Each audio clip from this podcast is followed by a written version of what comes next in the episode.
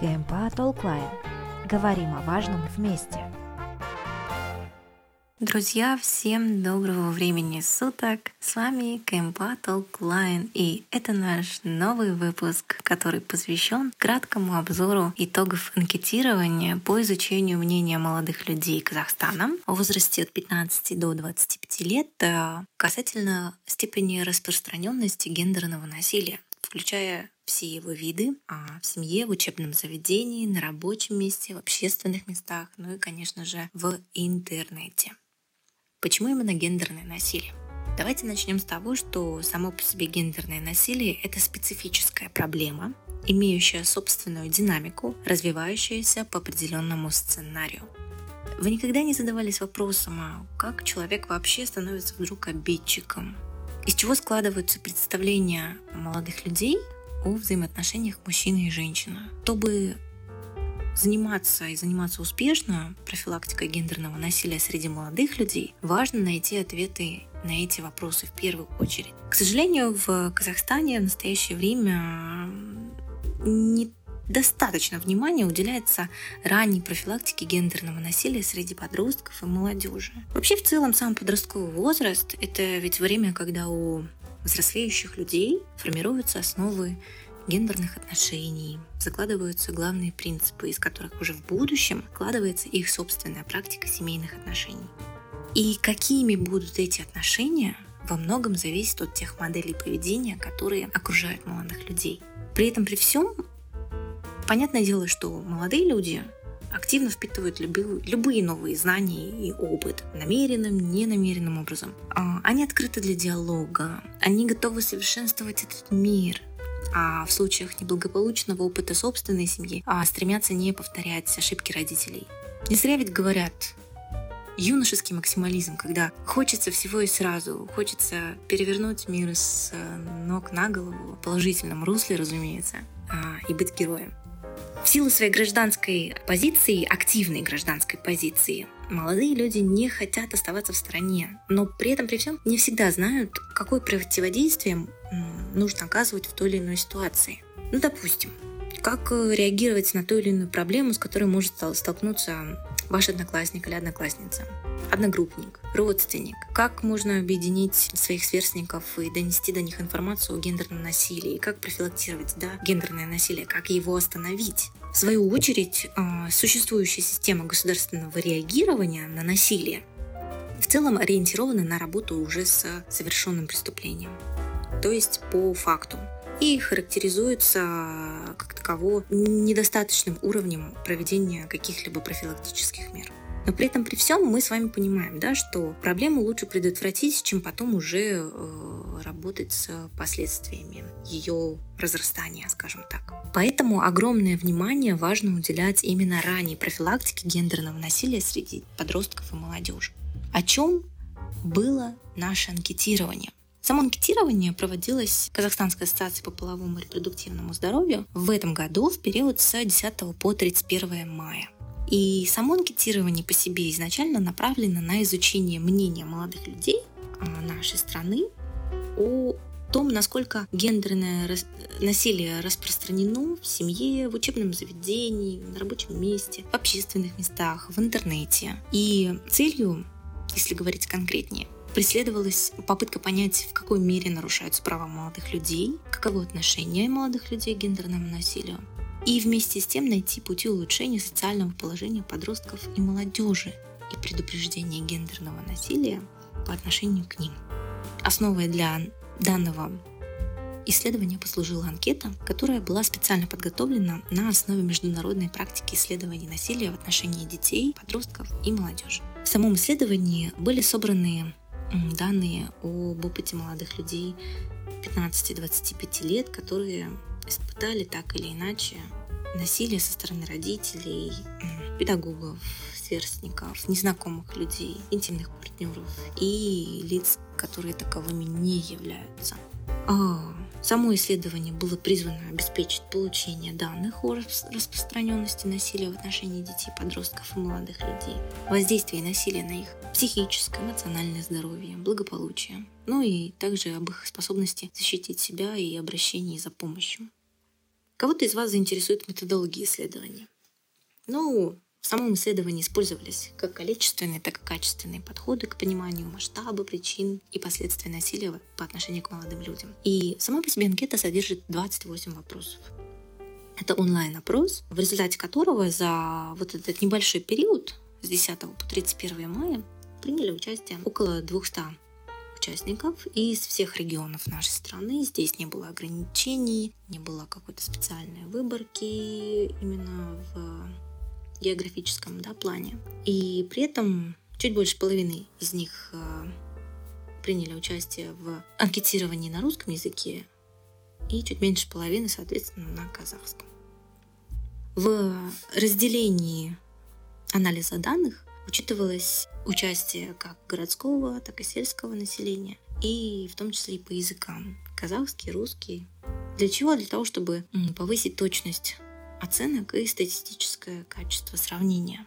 Само исследование было спланировано уже в форме онлайн-опроса молодых людей, выбранных случайным образом. Подросткам и молодым людям э, предлагались э, вопросы о том, знают ли они, что такое гендерное насилие, какие формы гендерного насилия им известны, а, испытывали ли они на себе ту или иную форму насилия или жестокое обращение, со стороны кого они испытывали эти действия. Ну и также ряд таких вопросов э, касательно событий в жизни, испытываемых чувств, эмоций, их нынешнее, э, скажем так, эмоциональное состояние и отношения с прошлыми и нынешними партнерами. В рамках исследования также собирались уже данные по темам, связанным с насилием. Как подростки и молодые люди понимают, что такое насилие, какие формы знают, насколько для них э, проблема насилия остра в обществе и э, знают ли они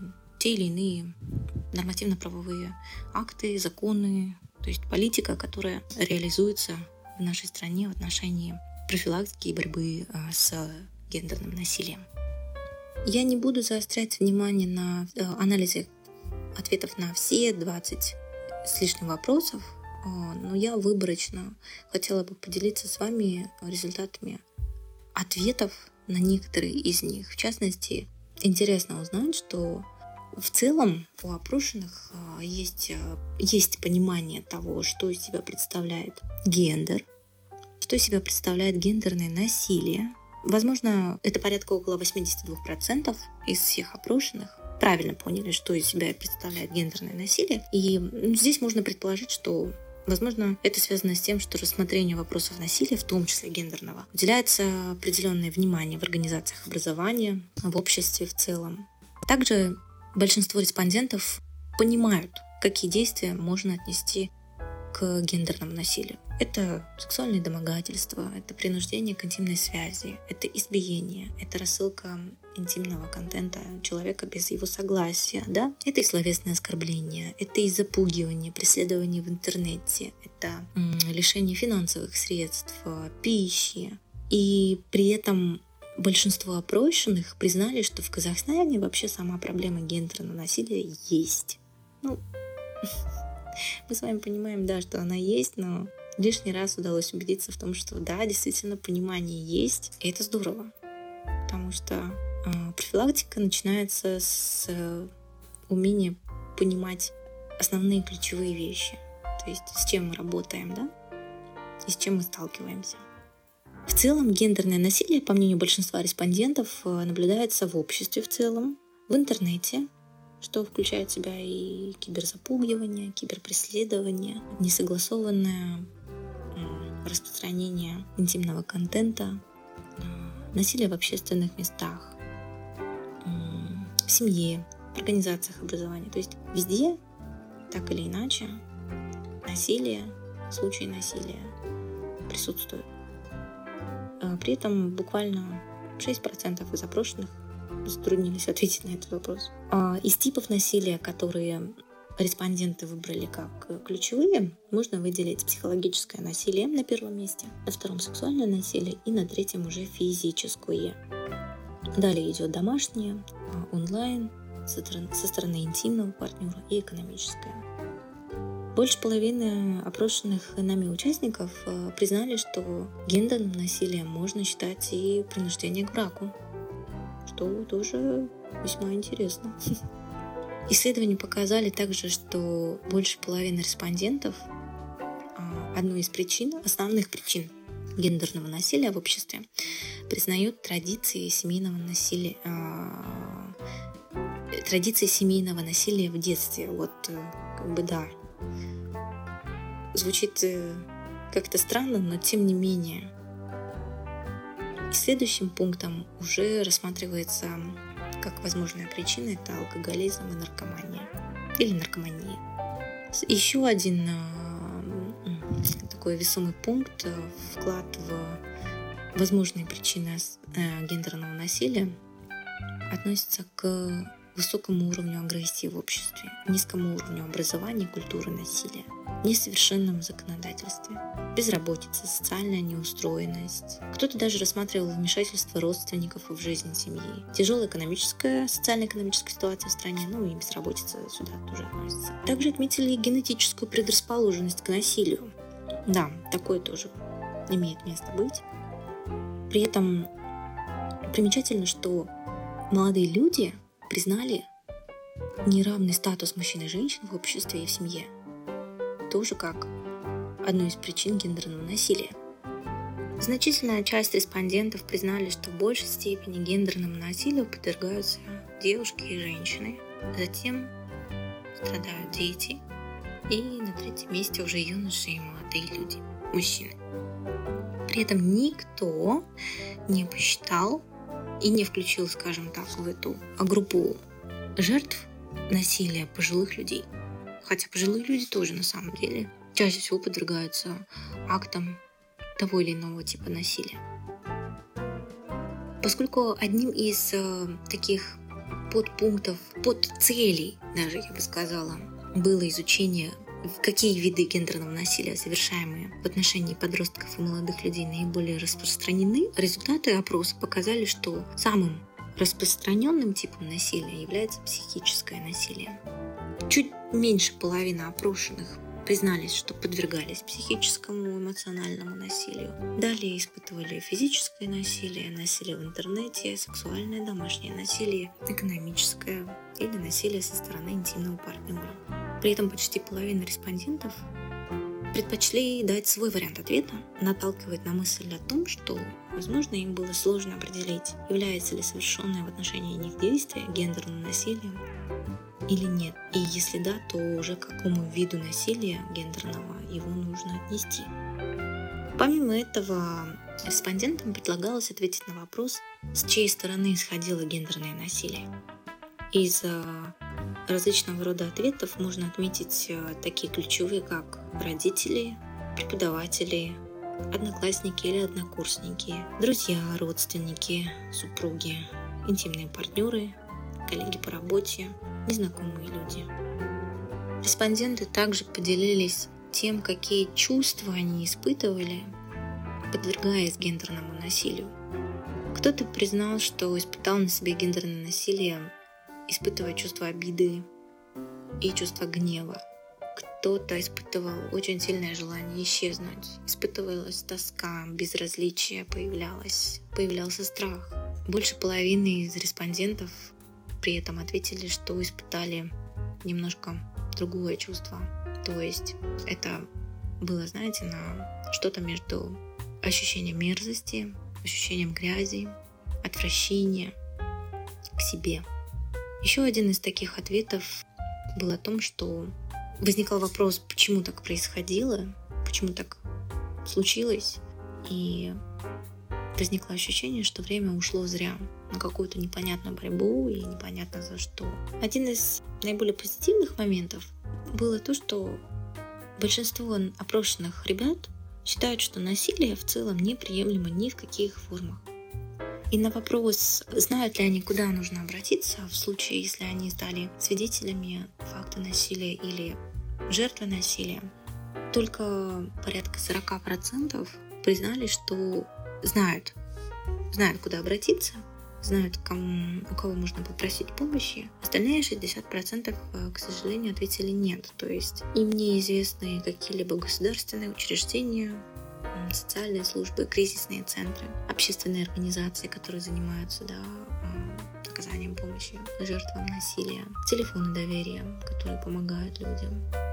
Вот такой небольшой обзор результатов проведенного анкетирования. Если вы хотите подробнее изучить ответ на каждый из э, заданных в рамках этого вопроса вопросов, вы можете пройти на наш сайт kmpa.org.kz и прямо на главной странице в одной из последних новостей вы можете увидеть новость, аналитический отчет об итогах анкетирования по изучению мнения молодых людей Казахстана о распространенности гендерного насилия.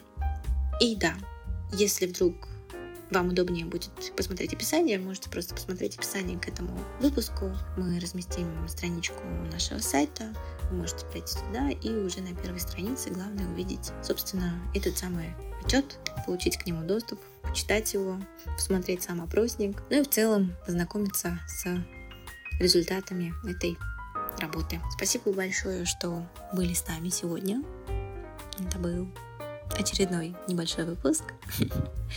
Надеемся, вам понравилось узнать в целом о том, насколько мы продвинулись в понимании гендерного насилия в Казахстане, о том, что молодые люди думают об этом, что они готовы предложить. Кстати, вот еще один момент, собственно, то, о чем я хотела сказать и забыла. Это ключевое, пожалуй, на, на мой взгляд, по крайней мере, блок — это меры, которые предложили сами респонденты в борьбе с гендерным насилием, с профилактикой гендерного насилия.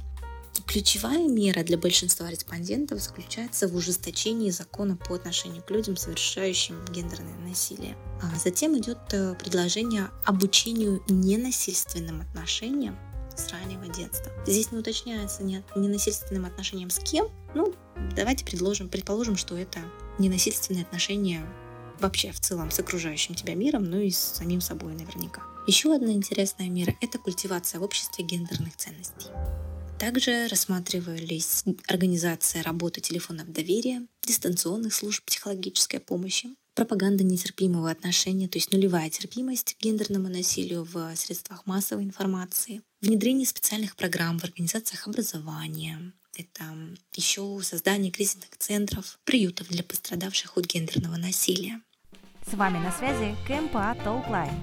Говорим о важном вместе.